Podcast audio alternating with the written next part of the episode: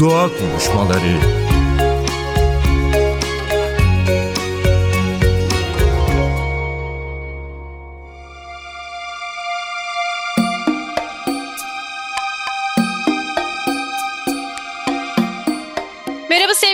Radyo dinleyicileri ben Nacide Berber. Bu hafta doğa konuşmaları tekrar bir aradayız. Doğanın gündemini takip etmeye devam ediyoruz. Bugün yaban hayat fotoğrafçısı ve kuş gözlemcisi Alper Tüydeş bizimle birlikte. Hoş geldiniz Alper Bey. Hoş bulduk. İyi yayınlar. Herkese merhabalar. Özellikle siz sahada da olduğunuz için sizin gözlemlerinizi, deneyimlerinizi de merak ederek birazcık son durum değerlendirmesi yapmak istedik açıkçası Türkiye'deki kuşlara dair. İlk etapta şunu aslında sormak isterim. Yani iklim kriziyle Türkiye'deki kuş türlerinin sayılarının azalmasındaki son durum ne? Buna dair elinizde hangi bilgiler var? Bir ilk etapta onu duymayı isterim. 12 yıldır yaban hayatı fotoğrafları ve gözlemi yapıyorum aslında. Yaban hayatı gözlemciliği de ayrı bir şey. Çünkü fotoğraf çekip oradan çıkmıyoruz. Oranın dokusunu izliyoruz, sorunlarını tespit etmeye çalışıyoruz, doğanın davranışlarını gözlemleyip öğrenmeye çalışıyoruz. Mevsimsel davranışlar olsun ya da doğadaki etki tepki olayları. Şunu söyleyebilirim ki bunu yine ben bu işin içerisinde akademik kariyeri olan hocalarımdan da duyduğum bir cümle bu. Son 15-20 yılda Türkiye'de çöl iklimine ait olan kuş türleri görülmeye başlandı. Ki bunlardan son kaydı 2 yıl önce yanlış hatırlamıyorsam İstanbul'da Riva çayırlarında küçük çöl toygarı gözlemlendi. Yani bu kuşun bu kadar kuzeyde olma ihtimali üzerinde bile kimse doğru dürüst durmazken böyle bir kayıt geldi. Biz onu Hatay'da, Antep, Urfa hattında gözlemlemeyi beklediğimiz bir Türken, Türkiye'de görülse bile Türkiye'de gitti İstanbul'dan kaydı geldi. Ve şu anda yine çok tesadüf bu da bir başka kuş türü çöl kuyruk kakanı. Kışı şu anda İstanbul'da Riva'da geçiriyor. Yaklaşık bir ay kadar burada kuş gözlemciler hafta sonu onu görmeye gidiyor. Çünkü ülkemiz için nadir bir tür. Yani aslında bu iki içinde iki tane çöl olan, adında iki tane çöl olan iki farklı kuş türünün İstanbul'da görülüyor olması bile aslında doğanın bize bir şeyleri anlatmasının bir başka yolu bence. Bunun yanında zaten sadece kuşlar değil, denizlerimize bakıyoruz bugün. Akdeniz kıyıları boylu boyunca Kızıldeniz canlı türleriyle dolmaya başladı. Ve bunlar giderek Ege'ye doğru eğilmeye başladı. Ege'deki bazı balık türleri Marmara'da görülmeye başladı. Yani bunun gibi birçok aslında birçok yerde bu değişiklik gözle görülür boyutlara geldi. Başlarda tek tük görülmeye başlayan türler giderek yaygınlaşıyor. Mesela biz şu zamanlarda yine kuş gözlemcileri arasında ilk Türkiye'de görüldüğünde büyük bir heyecan yaratmıştı. Kap kumrusu. Serçeden biraz daha büyük ve genel manada genel kuş ortalamasına genel diğer kuşlarla kıyaslandığında küçük diyebileceğimiz boyutta. En güney sınırlarımızdan başladı. Yavaş yavaş bu hayvan yayılıyor mesela. Ve öngörüleri şu çevremizdeki yine kuş gözlemcisi arkadaşlarımızın ve hocalarımızın bu kuş zamanla Türkiye'de çok olağan bir tür haline gelecek. Yani bu iklim değişikliğiyle bazı kuşların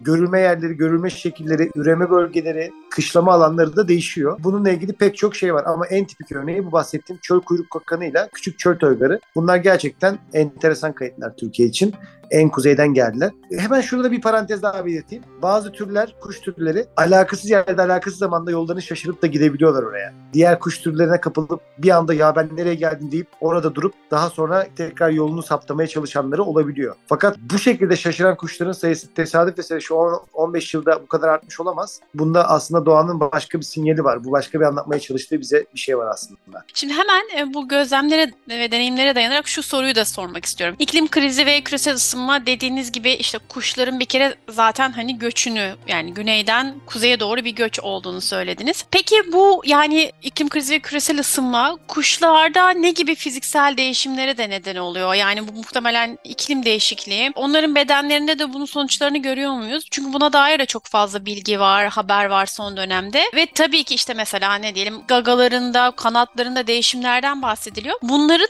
onların yaşamında ve yine doğa açısından da başka sonuçları olacak mı? Ya da beslenme alışkanlıkları açısından başka hayvanlarla ilişkisi açısından düşündüğümüzde ne gibi değişimler yaratacak bu fiziksel değişimler? Genel yaşayış şekilleri hakkında örnekler verebilirim. Gözlemlerden yola çıkarak. Ben 12 yıldır kuş gözlemi yapıyorum. Son 2-3 yılı diğer yıllardan ayrı tutmak zorunda kalıyorum. Çünkü gerçekten arada o kadar çok fark var ki. Mesela Kocaçay Deltası, Ulaabat Gölü. Bakın şu zamanda aynı zamanda bakanlık tarafından Türkiye genelinde topyekun yürütülen kış ortası su kuşu sayımları var. Bu her yıl yapılan ve su kuşlarının tam sulak alanlara kışı geçirmek için ülkemize gelen kuşların sulak alanlara yayılıp burada benimsedikleri bir dönemde yapılıyor bu. Bu sene kış ortası su kuşu sayımına katılan arkadaşlarımdan aldığım bilgiler kuş yok diyorlar. Yani geçen yıllardaki binlerle ifade ettikleri kuş türlerinin pek çoğunu göremediklerini söylüyorlar. Bu hayvanların nesli hepsi tükenmedi tabii ki de. Fakat alışkanlıklarından vazgeçmek zorunda kalıyorlar artık. Yani her sene Kocaşehir Deltası'na gelen büyük fiyo ördekleri, bozkaz sürüleri ya da işte küçük kuğular, ötücü kuğular artık gelmemeye başlıyorlar. Çünkü kuzey o kadar soğumadığı için güneye inmeye ihtiyaç duymuyorlar ve doğal olarak bu alanlara artık inmiyorlar. Ya da bizdeki türler daha aşağıya inmiyor. Böyle alanlarında kışın gözlemlediğimiz türler var, yazın gözlemlediğimiz türler var. Bu türler değişiklik göstermeye başladı ve kışın mesela bu dönemler durgun sular için, sığ göller için kuş cenneti gibi olması gerekiyor oraların. Her tarafın vıgır vıgır kuş olması gerekiyor. Kuş göremiyoruz biz. Gerçekten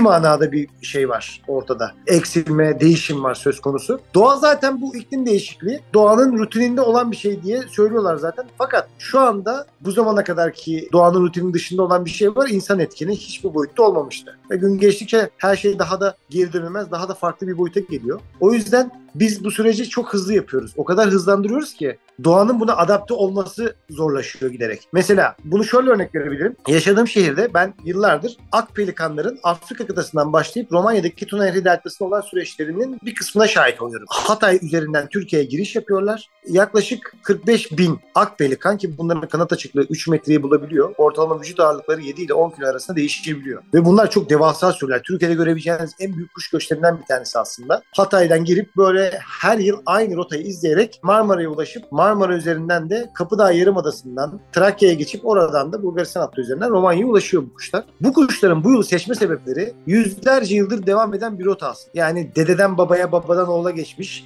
diyebileceğimiz böyle nesilden nesile geçmiş bir güzergah var. Peki bu kuşların büyük büyük babaları dedeleri bu rotayı niye çıkarttı? Çünkü bu rota onların üzerinde göç sırasında en çok ihtiyaç duydukları sulak alanlara hakimdi.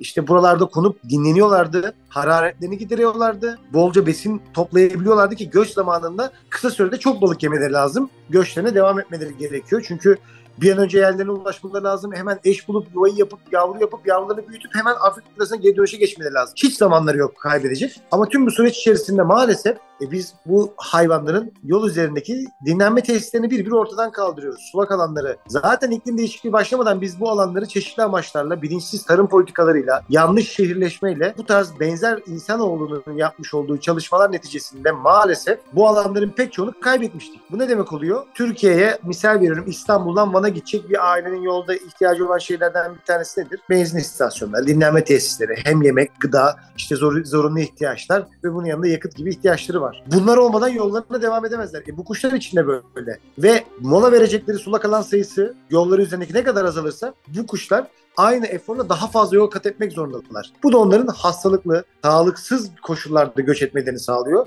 Ve göç denilen şey öyle çok da kolay bir şey değil. Binlerce kilometreyi içerisinde alıyor. Güçlü olmaları lazım, sürüye adapte olmaları lazım. iyi dinlenmeleri, iyi beslenmeleri gerekiyor. Fakat biz artık Hatay'dan girdikten sonra Marmara'ya ulaşana kadar doğru dürüst sulak alan yok onların karşısına çıkabilecekleri. Yani çok daha uzun süreyi hiç mola vermeden gitmek zorunda kalıyorlar beslenmeden. Ve son yıllarda Ulavat Gölü'nde de ciddi bir azalma söz konusu. Yani bakıyorsunuz onların belki Türkiye'deki son karelerinden bir tanesi yok olmak üzere. Bu iklim değişikliğinin yanında insanların da etkisiyle birlikte maalesef hayvanlar için mesela pelikanlardan bu bir örnek verdim. Ama bunu benzer şekillerde birçok kuş için yapabilirsiniz. Ormana ihtiyaç duyan türler var göç ederken. E biz onları da yok ettik. Orman alanlarını. Bozkıra ihtiyacı olan türler de var. Genelde biz bozkırları dikenlik, sazlık, çalılık, boş arazi olarak görüyoruz ve hani oraya yapılır bir şey. İlk gözden çıkarttığımız yerler oraları. Ama adında sadece bozkır olan kuş türleri ya da kelebek türleri, sürüngenler var. Ve biz bunların hepsini darbeledikçe bu göç zamanı özellikle bizim zannettiğimizden çok daha fazla hayvan bu işten zarar görüyor, etkileniyor.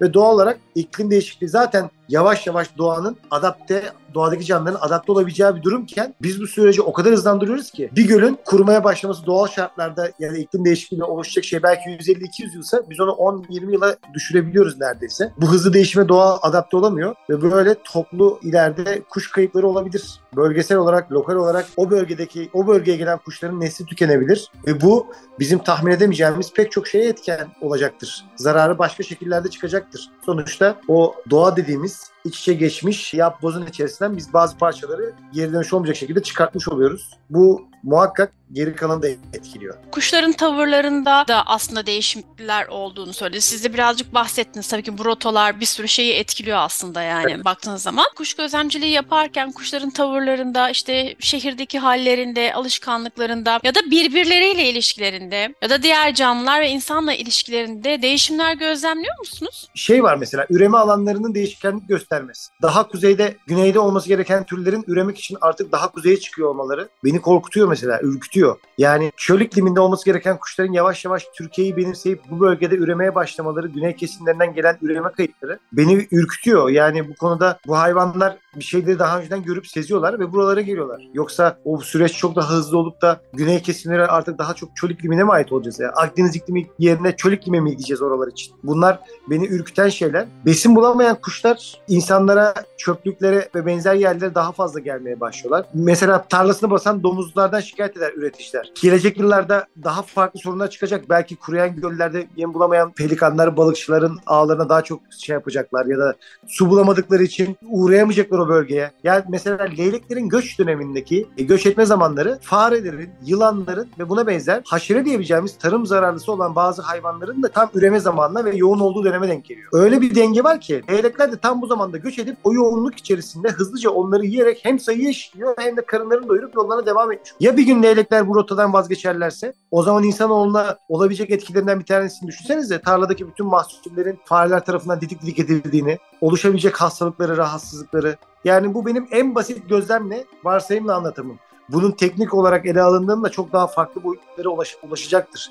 Yani sinek kapan kuşlarının göç dönemleri yine sivrisineklerin avından artık uçmaya başladıkları dönem. Belki kırlangıçlar aynı şekilde. Bu toplu ölümler ya da alandan vazgeçmelerin sonucunda bu hayvanların bu bölgelerde geçmeyişi diğer türlerin sayılarının hızlıca çoğalmasına sebep olacak. Bunun da yan etkileri insanlara kadar ulaşacaktır muhakkak. Bunun bazı gözlemlerini yapabiliyoruz ama bu daha ileri boyutlarda daha zarar verici boyuta gelecek. Ve şu da var. Aslında biz yine burada insanlar kendini düşünüp de buna hareket etmeleri gerekiyor. Dünyadaki hiçbir şeyi yok edemezsiniz zaten. Dünya daha önceden 5 kez yeniden var olmuş. Yani hayat komple bitmiş bir kez sirkelemiş, kendine gelmiş, dağları yıkmış, şehirleri yıkmış, şöyle bir hayatı komple sonlandırıp yeniden o suyun içindeki hücrelerden bir yerlerden böyle canlılar bugünlere gelmiş, çoğalmış, çeşitlilik artmış. Dünya için yüzlerce yıl ya da binlerce yıl bir anlam ifade etmiyor. Milyonlarca yıldan bahsediyor. Ve dünya yine kendini telafi edecektir. Yine bizi bir silkeleyip eleyip yeniden belki altıncı kez yaşam yeniden başlayacak. Ama biz olan kendimizi yapıyoruz. Sonu daha da ızdıraplı bir hale getiriyoruz aslında. Elbette bugünlerin de bir sonu olacak. Bu zaten her kesimde öngörülen bir şey. Fakat bu sonu ızdırap ve acı içinde, susuzluk içinde, kuraklık içerisinde yapmak var. Bir de bu süreci olabilecek şekilde en makul seviyelerde tutmak var. Kendi ayağımıza sıkıyoruz farkında değiliz. Bugünü düşünüyor kimse ama çocukların yarınlarını kimse düşünmüyor. Evet belki belli bir nesli bu su azalmaları, şu krizler vesaireler belki onların artık ucundan kurtulacak ama onlardan geriye bıraktıkları nesillerin çekebilecekleri acılar hakkında hiç mi kaygı duymuyorlar? Ben bunu merak ediyorum. Bu doğayla ilgili çeşitli kararlarda hassas davranmayan insanlar, vurdum duymaz davranan insanlar, günü kurtarmanın peşine düşmüş olan insanlar yani yarınlarını kendileri için düşünmüyorlar ama geriye bırakacakları çocukları, akrabaları için de mi bu kaygıyı yaşamıyorlar? Bu da işte başka bir şey kafamızdaki. İklim krizi sonucunda oluşan işte yeni ekolojik düzene ya da sisteme diyelim uyum sağlayamayan hayvanlar da var. Aslında kuşların da olduğu söyleniyor. Siz böyle bir gözlem yapıyor musunuz şu anda? Hani uzun zamandır Türkiye'de zaten kuş gözlemi yapıyorsunuz ama hani son yılları falan düşündüğümüzde özellikle yok olan, uyum sağlamadığını görebildiğiniz kuşlarda tavırlar. Ya, kışı ülkemizde geçirmesini beklediğimiz türleri ve kış olsa da kuşlar artık güneye inip de yani güney derken daha kuzeyde olup da Türkiye'ye kışlamak için gelse de görsek dediğimiz, beklediğimiz, hevesle, merakla beklediğimiz kuş türleri var. Biz onları artık göremiyoruz mesela. Bu aslında bize başka bir şeyi de anlatıyor. Bunun en somut örneklerini biz yine sulak alanlarda görüyoruz. Su tabii ki de bütün canlılar için bir ihtiyaç, zorunlu bir ihtiyaç ve mesela Marmara bölgesi leylekler açısından çok önemli bir bölge aslında. Ve leylekler de suyla orantılı, doğru orantıda yaşamlarını sürdüren hayvanlar, canlılar ve burada bu suyun azalması leyleklerin yaşam alanlarını ciddi anlamda mesela azaltıyor. Ve leylekler bir yerin aslında göstergesi gibidir, bir ibresidir oranın. Yani bir bölgedeki leyleklerin sayısında ciddi bir azalma varsa, ani bir düşüş varsa birilerinin ya ne oluyor burada bir sıkıntı var, çok büyük bir sorun var demek ki diye düşünüp hemen harekete geçmesi gerekiyor. Programın başına siz de böyle bir şey söylemiştiniz zaten. Ve bunu artık söyleyebiliriz. Gerçekten Marmara bölgesinde benim kendi yaşadığım bölge olduğu için en çok da gördüğüm yerlerden bir tanesi. Leyleklerin sayılarında ciddi bir azalma var. Bu bile aslında bir şey ifade ediyor. Bu da başlı bir başlı başka bir konu mesela. Ben yine bu özelden örnek verebilirim. Tabii ki de bunun birçok yerde yan etkisi var. Dediğim gibi ormanların içlerinde olacak olan canlılar var. Denizlerde olacak olan canlılar var. Yani Bunu tabii ki balıklarda müsilajlı örnek veriyorlar. Değişik deniz anaları ülkemizde görülmeye başlandı. Zehirli balıklardan bahsediliyor. İç sularımızda istilacı türlerin sayısı artmaya başladı. Daha çabuk adapte olabiliyorlar artık. Çünkü sular soğumuyor eskisi gibi. Çok hızlı bir yer kapmaca oynamaları gerekiyor ve hayvanlar da buna çok çabuk adapte olamayacaklar. Ve bu konu aslında sadece hayvanların meselesi değil, insanları da birinci derecede ilgilendiren bir problem. Ama sanıyorum biz bunu fark ettiğimizde artık iş işten geçmiş olacak. Çok ümitli konuşamıyorum böyle konularda. Doğa bize anlatabileceği her dilde aslında alarm verdiğini anlatıyor. Ama biz bunu anlayamıyoruz maalesef anlamıyorlar. Çoğunluk bunu anlamıyor ya da öyle söyleyeyim. Yine hem bu iklim krizinin kuşlar üzerindeki etkilerini azaltmak için neler yapılması konusunda ama aynı zamanda hani nedenleri de gözlemlediğiniz zaman en çok hani onların üzerinde etkisi olan hani iklim krizini de etkileyen nedenler ne gözlemliyorsunuz? En azından kendi hani gözlem alanınızda diyeyim. Hem de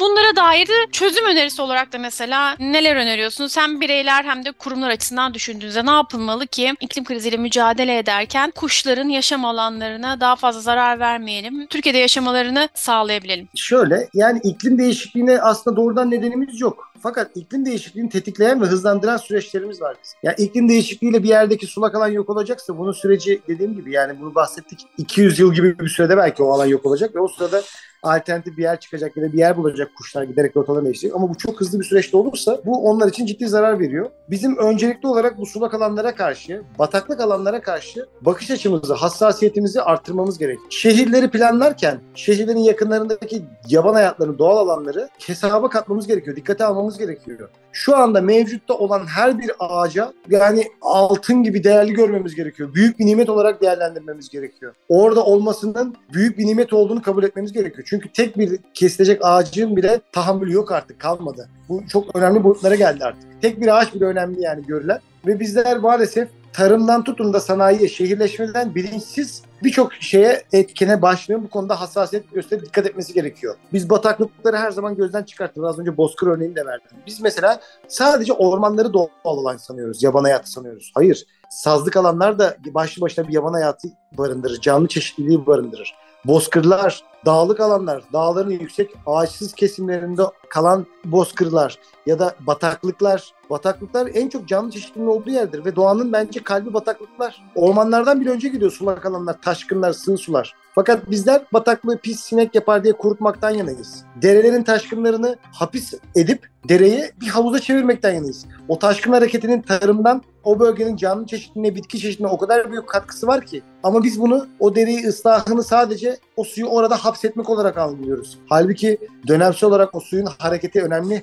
Tarlalara taşkın yapması lazım. İçindeki alüvyonları tarlalara, ovalara yayması lazım. Oluşan sığ sulara balıkların çıkıp yumurta bırakması lazım. O sığ sulara çıkan balıkların yumurtalarını yemek için ve balıkları yemek için oraya göçmen kuşların konup hem bir yandan sayıyı dengeleyip besinlerini yemeleri hem de göçlerine devam ederken hızlıca besin almaları ihtiyaçlarını gidermeleri lazım. Ya bunun gibi o kadar pamuk ipliğine girilmiş bir, bir sürü şey var ki bu bilinçle hareket etmemiz lazım. Bu anlamda sosyal medya vesaire kanal mecralara ihtiyaç duyuyoruz ama sizin de bu konuyu programınıza taşımış olmanız ve bize de bu konuda yorum yapmanız, söz hakkı verdiğiniz için ben size de çok teşekkür ediyorum. Bu konuya gösterdiğiniz duyarlılıktan ve bize bu fırsatı sağladığınız için. Biz teşekkür ederiz. Çok sağ olun. Ağzınıza sağlık. Sevgili NTV Radyo dinleyicileri, bu hafta doğa konuşmalarında yaban hayatı fotoğrafçısı ve kuş gözlemcisi Alper Tüydeş bizimle birlikteydi. Birazcık aslında iklim krizinin kuş türleri üzerindeki, onların işte tavırları, alışkanlıkları, işte rota değişiklikleri, göç yollarının değişimi gibi aslında bilgileri birazcık sahada nasıl gözlemliyor Alper Bey? Onları konuşmaya çalıştık çalıştık ve aslında hani kuşları iklim kriziyle mücadelede kuşların yaşam alanlarını korumak için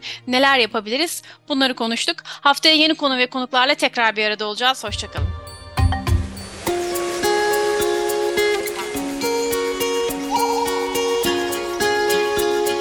Doğa konuşmaları sona erdi.